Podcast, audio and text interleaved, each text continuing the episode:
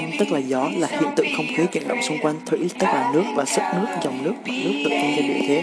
Phong thủy là sự tổng hòa các yếu tố xung con người như địa thế, hình dạng, dòng nước, mô mã, hình nước, mặt bằng, không gian, xây dựng, hướng gió và cả quan hệ giữa người với người trong làng xã thôn xóm.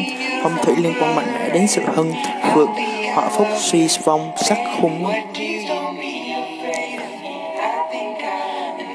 Mắt tức không hợp phong thủy khi nếu gặp gió phong chắc chắn sẽ tán, còn nếu gặp nước thủy sẽ bị ngăn cho dừng lại. Cổ nhân hàng nghìn năm nay vẫn luôn rằng dạy chúng ta rằng phải làm một cách để kho khí tụ chứ không được tán nước chảy. Phải có chỗ dừng. Đó là nguồn gốc của cái tên phong thủy. Phong thủy còn là phương pháp xác định và tìm kiếm các địa thế đẹp để làm nơi trú ngụ an cư học thậm chí là cũng tương tự như các ngành khoa học kỹ thuật cổ truyền khác ở khu vực Á Đông. Thuật phong thủy hiện nhiên cũng dựa vào dịch lý ngũ hành và cùng bất tước âm dương, trái ngược hoàn toàn với suy nghĩ của nhiều người thuộc phong tử, không đặt nền móng cho sự mê tín và tín ngưỡng mà đó chính là ngành khoa học tự nhiên được trải qua hàng nghìn thử nghiệm cùng thực hành. Phong thủy là nghệ thuật giúp cho con người có thể sống hài hòa giữa thiên nhiên và sử dụng thiên nhiên để cuộc sống được hoàn thiện hơn. Một khi cuộc sống đã được hài hòa với thiên nhiên thì mỗi người chúng ta sẽ được nhiều ý nghĩa hơn. Tổng kết lại thì phong thủy là ngành dòng chảy năng lượng giữa con người với thiên nhiên. Trái đất có tần số riêng là 7,5 Hz. Đây là tần số giống với sóng não alpha là trạng thái sóng não liên quan đến việc nghỉ ngơi và thư giãn và thiền định. Vào thời cổ đại, vì các bậc thầy anh minh ngồi dưới gốc cây thiền định không phải là điều kiện hiếm. Họ tin rằng điều này sẽ giúp họ đạt được những chữa lành tâm linh, minh mẫn trạng thái thiền định sâu sắc và trí tuệ.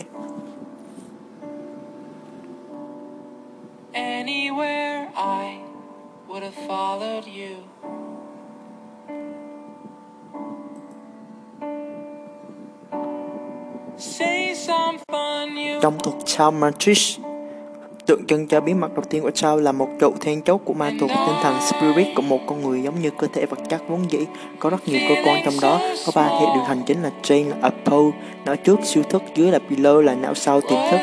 Ý chí là will phần mềm bản giác. Trong một con người có thể ví phần ý chí là một thực thể thì hai phần còn lại là khối xử lý phụ trợ nhưng sự thật thì cả hai thể còn lại có thể riêng biệt và hình thành độc đáo. Chúng là hai thể đứng đằng sau ngắm ngầm giật dây cho ý chí thêm vào nữa. Tinh thần không phải là một nền quân chủ chuyên tính độc tài mà chỉ là một thực thể làm chủ. Tiềm thức là thực thể được sinh ra đầu tiên. Nhưng đa phần có một hình hài như não bò sát. Tiềm thức rất đơn giản mà thật tà, mang thiên hướng sinh tồn và kể lúc nào cũng đấu khác thứ gì đó bên trái, siêu thức là trẻ nhất. OS thường được xem là thể cao hơn, là phần nghệ sĩ nhắc, đạo đức nhắc, lý tưởng nhắc và phần sáng tạo bên phải. Còn phần còn lại là phần mềm bản giác thường được gọi là linh hồn sau. Và giác được tạo ra từ rất nhiều ý thức đây trong thời thơ ấu và những linh hồn. Linh hồn lãnh hội trong môi trường sống cứ hỏi bản thân liệu mình muốn trở thành và tiếp tục một con người ngu dốt giận dữ hay tham lam hay không hay là muốn trở thành một con người trí tuệ và chân thành khiến sự tái thêm quý giá của kiếp người bằng cách đưa ra những quyết định sai lầm.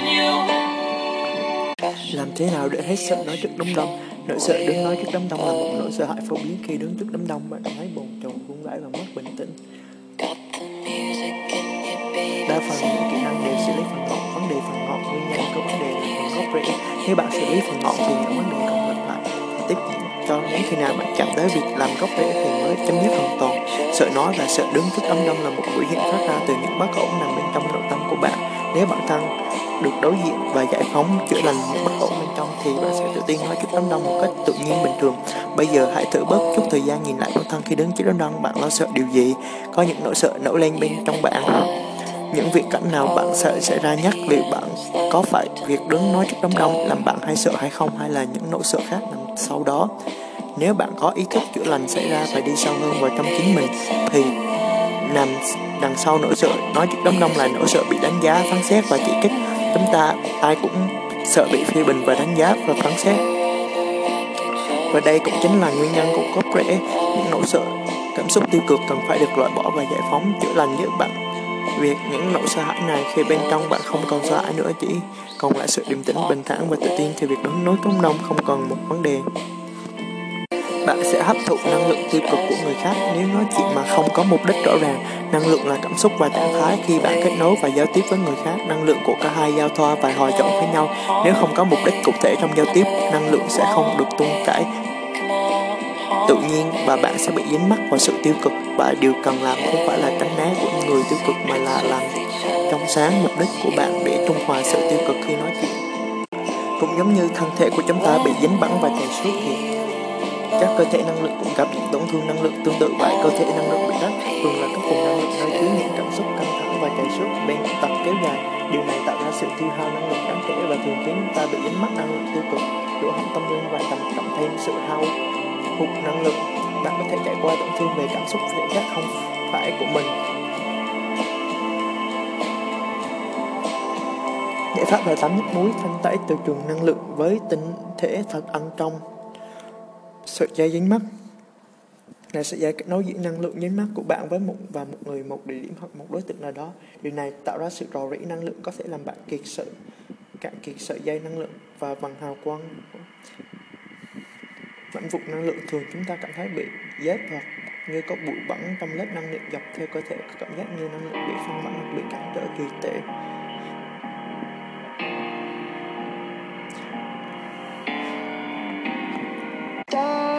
Lông xa màu có màu đỏ là mang năng lượng của sự ổn định. Khi lông xa này cân bằng thì mình sẽ rất ổn định, vững vàng và có lập trường. Khi lông xa này suy yếu thì mình sẽ có cảm giác lơ mơ. Lăn mông như đang ở trên tầng mây nào đó niềm tin tích cực của lông xa một là thế giới này an toàn. Niềm tin tiêu cực là tự tôn được bây giờ. Luân xa có liên quan đến các vấn đề về hệ xương khớp luân xa thứ hai là luân xa màu cam năng lượng của một tự nhiên khi luân xa này cân bằng thì mình sẽ rất tự nhiên và sống động dễ dàng trong việc biểu lộ cảm xúc dù tiêu cực hay tích cực. Liên quan luân xa thứ hai liên quan đến các vấn đề về hệ bài tiết luân xa thứ ba là có màu vàng tươi năng lượng của sự tự tin. Khi luân xa này cân bằng thì mình sẽ rất tự tin quyết đoán hoặc bán có nhiều niềm tin. khi luân xa này suy yếu thì mình có cảm giác tự ti hay nghi ngờ xấu hổ bị cơn giận giận lắng ác luân sai thứ ba liên quan đến các vấn đề về hệ tiêu hóa luân sai bốn có mặt sinh lực mà năng lượng của yêu thương khi luân xa này cân bằng thì mình sẽ rất bao dung và dễ dàng tha thứ. Yêu thương bản thân người khác, khi luân xa này suy yếu thì mình sẽ cảm thấy rất sợ, bị phụ lòng, bị phản bội, khó khăn và trong việc duy trì mối quan hệ lành mạnh, thường xuyên tự mình phán xét và chỉ trích bản thân. Xa thứ bốn liên quan đến các vấn đề về hệ tuần hoàn. Luân xa thứ năm là màu xanh lam là năng lượng của sự chân thành.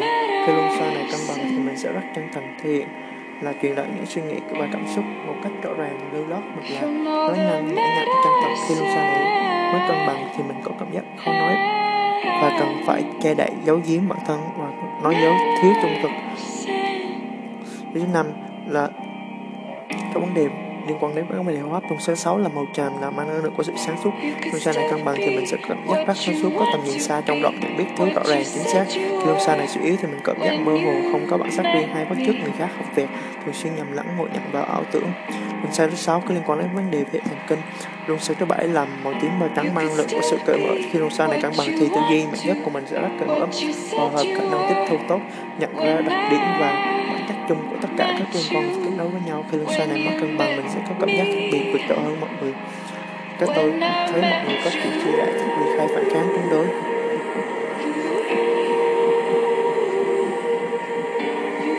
Ngoài thân xác mọi người còn tồn tại ít nhất bảy thân thể khác nữa. Cơ thể thứ nhất là electric body hay gọi là cơ thể điện dân gian hay gọi là phách cực từ cơ thể đại diện cho dòng chảy năng lượng của các đường kinh mạch cơ xương khớp người này vận động hay chơi thể thao thì cơ thể rất khỏe mạnh và ngược lại sẽ yếu những người ít vận động và có lối sống không lành mạnh. Cơ thể thứ hai là emotional body, hay gọi là cơ thể cảm xúc quản lý khả năng cảm nhận và những cảm xúc của mỗi người. Khi cơ thể này khỏe mạnh thì bạn sẽ cảm thấy yêu quý chính bản thân mình và trân trọng mọi cảm xúc mà bạn có. Ngược lại, nó sẽ suy yếu khi bạn né tránh và dùng nén cảm, những xúc cảm của mình cơ thể thứ ba là mental body hay còn gọi là cơ thể lý trí, quản lý khả năng tư duy, suy nghĩ, phân tích và nhận thức của mỗi người. Khi cơ thể này khỏe mạnh, bạn sẽ thấy sáng suốt, suy nghĩ rõ ràng. Mạch lạc khi nó suy yếu thì bạn sẽ bị căng thẳng, bế tắc hoặc nhầm lẫn trong việc kết luận và hiểu biết.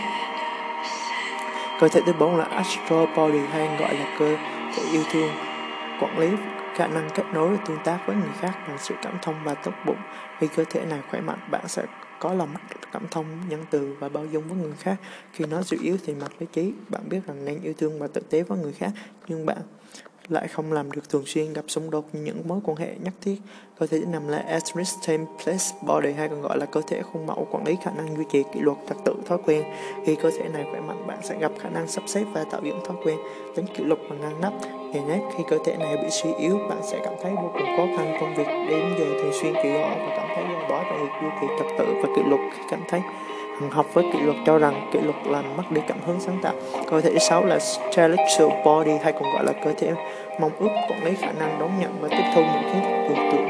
Ví dụ như những kiến thức tâm linh nghệ thuật có những mong ước và ý tưởng khả năng thực tế hóa những mong ước ấy. Khi cơ thể này khỏe mạnh, bạn sẽ cảm thấy vô cùng trân quý những ước mơ và khát vọng của mình và cảm thấy có đủ năng lực cùng sự kiên quyết để thực hiện hóa ước mơ ấy trong đời. Nếu cơ thể này suy yếu, bạn thường bị chìm đắm trong thế giới ảo tưởng và ngừng tưởng tượng. Cho bên mình hãy mơ mộng. Viễn vông và thiếu thực tế có xu hướng né tránh cuộc sống thật và cho nó không an toàn và thiếu năng lực để thực hiện hóa ý tưởng của bản thân thành sự thật.